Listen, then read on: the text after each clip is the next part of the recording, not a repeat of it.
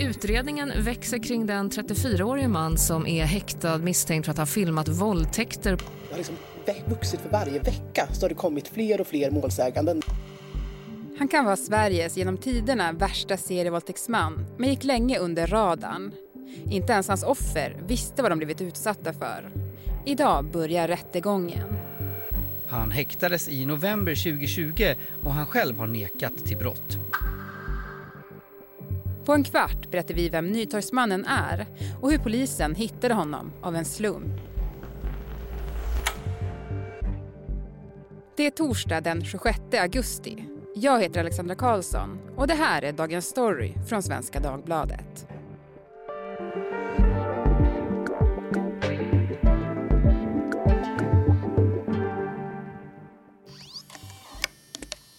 Jag ser ju att det är jag. Jag ser mitt ansikte. Jag ser min hand. Jag ser min tröja.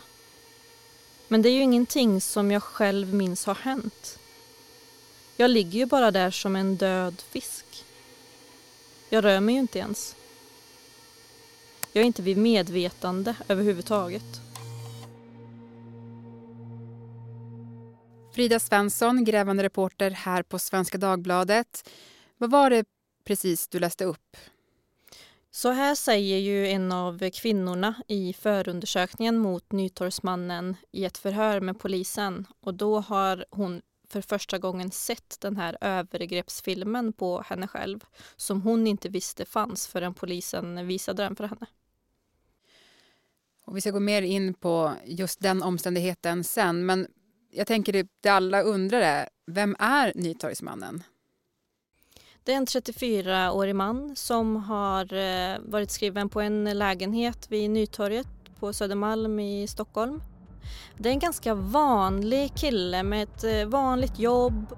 Vänner beskriver honom som ja, men rolig och snäll.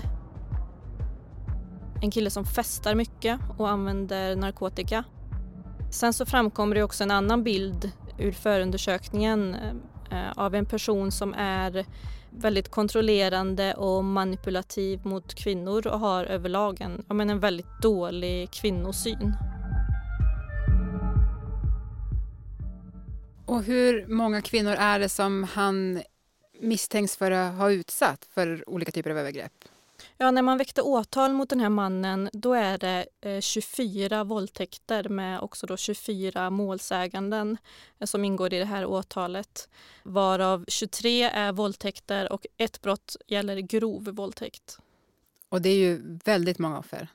Det är väldigt många offer. Det är ett väldigt ovanligt fall där man har så här många målsägande bakom sig, absolut. Har du eller tror du att du kan ha blivit utsatt för Nytorgsmannen? Ring Efterlyst. Hur träffade Nytorgsmannen sina offer? Det kan se lite olika ut. Det kan vara via bekanta, det kan vara via Tinder eller andra datingappar och också ute på krogen i, festlivet så att säga. Och hur kunde det sen se ut då när han träffade sina offer? Ja, när han har begått de här handlingarna som man är misstänkt för, de här övergreppen, då är det ofta att man har gått hem tillsammans och sen så sover man och ja, men under natten då så har den här mannen tagit upp sin mobiltelefon och börjat filma och sen har han begått ett övergrepp mot den här kvinnan som sover, utslagen, kanske även drogad. Det är lite svårt att säga i, i efterhand. Men de här kvinnorna har i alla fall inte varit vid medvetande. De vet inte att han har spelat in tjejerna och samtidigt begått de här övergreppen då som, som han filmar och sparar. Den så kallade Nytorgsmannen rörde sig på krogarna runt Nytorget på Södermalm i Stockholm där han också bodde i en liten hyreslägenhet. I november 2020 greps han för narkotikainnehav men när polisen gick igenom hans telefon hittade man istället bevis på annan grov brottslighet. I telefonen fanns flera övergreppsfilmer på kvinnor som inte var vid medvetande. Polisen hade nu alltså filmade övergrepp. Men vilka var kvinnorna på filmerna? Och det är också speciellt i det här fallet för när man ser de här videofilmerna så förstår man ju att vi måste få tag på de målsägande, vi måste hitta offren. Vissa kan man identifiera för att det finns annan information i hans mobil och så, men, men vissa är ju eh, från början då okända. Och för att eh, komma i kontakt med de här kvinnorna, då går man ut med en bild på hans säng då i hans sovrum. Och det gör man också för att har man varit i det här lilla sovrummet så kommer man nog ihåg det för att det ser ganska speciellt ut. Det är ett hopplock av möbler, det är ganska risigt. Något lapptäckesliknande täcke som han har. Och så är det en tavla som hänger över sängen på en, på en dödskalle med blommor i håret. Alltså det, det sticker ut, den här bilden. Och eh, här fick ju polisen napp att det var fler som, som började höra av sig. Enligt åklagaren så har man kunnat identifiera alla kvinnor på filmerna som man har hittat i hans mobil. Du var ju lite inne på det innan, men de här kvinnorna visste ju alltså inte vad de hade utsatts för förrän då polisen berättade det för dem eller de fick se de här filmerna. Det som är speciellt när man läser i förundersökningen som ju är jätteomfattande för att det är så många målsäganden. Ehm, de, de kvinnorna som tänker att Ja men den där kvällen med den här killen, det var någonting som inte riktigt stämde. Man kanske har haft en känsla men man vet inte riktigt vad man ska göra med det. Eller så har man en känsla av att ja, men vi är bara kompisar eller vi har kyssts på krogen. Men sen så visas en film upp och det blir en enorm chock för de här tjejerna. De känner sig väldigt utnyttjade och arga. Det är en frustration som, som lyser igenom i, i den här utredningen. Och det är såklart att det är en jättespeciell situation att se en film på sig själv i ett sånt utsatt läge som man inte visste fanns. Vad finns det mer för bevisning då mot Nytorgsmannen utöver de här filmerna? Det man slås över är att kvinnorna har samlat bevis mot honom. Det finns exempel där kvinnorna har berättat för en kompis om att man misstänker att någonting inte riktigt stod rätt till efter man har träffat den här mannen. Han skrattade med ansiktet. Så att polisen har även kunnat höra dem som vittnen. Det går inte att beskriva. Så det är en väldigt gedigen utredning, absolut. Och sen har ju också en nagelsax, eller flera nagelsaxar, blivit lite också central i utredningen. Ja, när förundersökningen blev offentlig, eller i alla fall delar av den, så var det vissa detaljer som stack ut. Och då var det bland annat det här med hans nagelsaxar. Det finns exempel där, där en kvinna har vaknat av att det, det sticker till av något slag och där, där man ser att ja, men byxor och trosor har klippts upp och att mannen då har filmat och begått ett övergrepp efter att han har klippt upp eh, kläderna. Och då har polisen intresserat sig för nagelsaxar för han har själv skrivit anteckningar i sin telefon där det kan stå nagelsaxen eller glöm inte nagelsaxen och liknande som, som polisen har blivit intresserad av. Och även beslagtagit byxor som har klippts upp. Så det hör ju till, till hans tillvägagångssätt då som man blir lite eh, skakad av. Han trodde han var jättesnygg och jättebäst och han kunde allt. I början så var min uppfattning väldigt bra, att han var trevlig, rolig. Jag fick inga dåliga vibbar. Vad var hans drivkrafter? Vet man någonting om det? Varför filmade han till exempel sina offer? Det är ju egentligen bara någonting som han själv kan svara på och han säger inte så mycket i utredningen. Han, han påstår att han inte minns särskilt mycket av de här händelserna.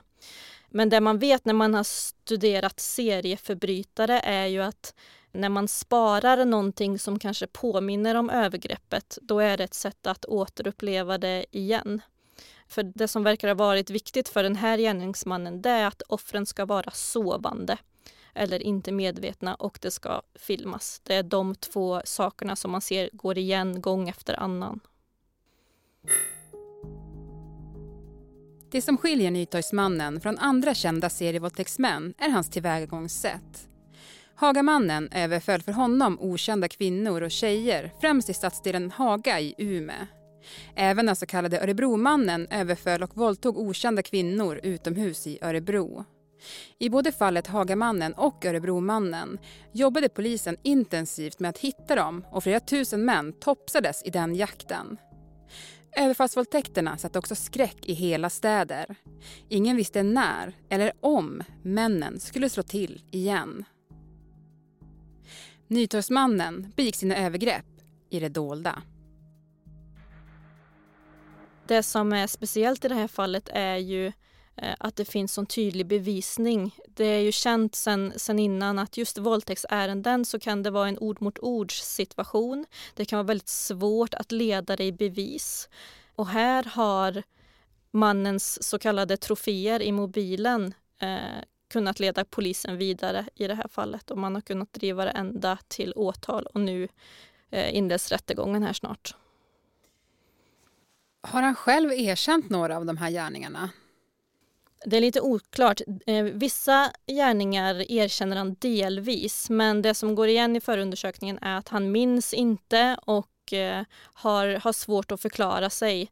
Förundersökningsledarna blir eh, frustrerade på honom vid ett tillfälle och frågar om han ens tar det här seriöst, det han blir anklagad för.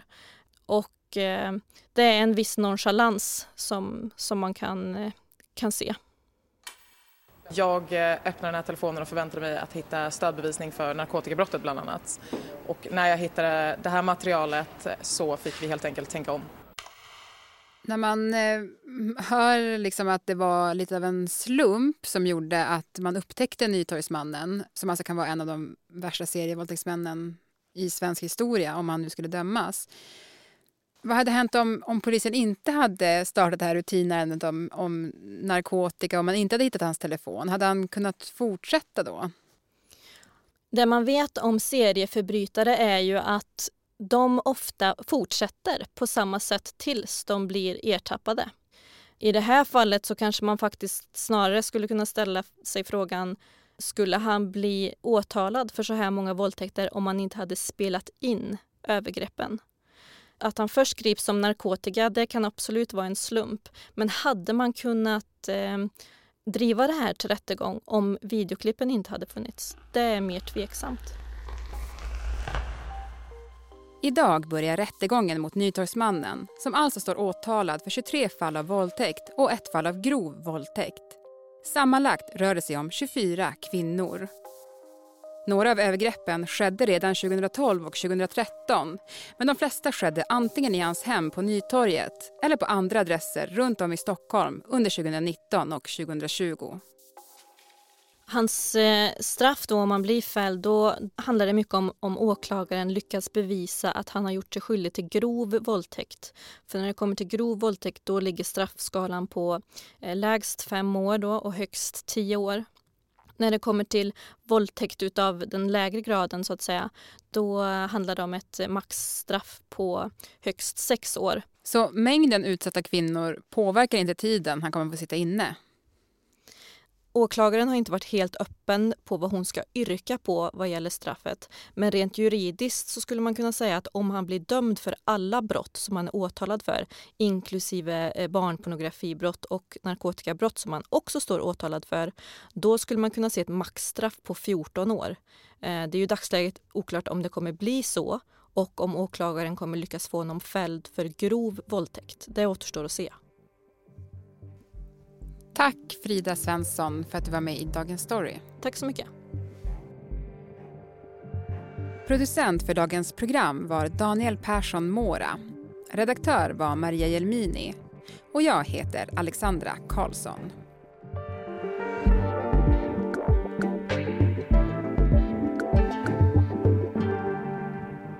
Klippen som hördes i dagens avsnitt kom från Sveriges Radio Ekot, Morgonstudion i SVT TV3s program Efterlyst och Aftonbladet TV. Om du vill komma i kontakt med oss så mejla till dagensstory.svd.se.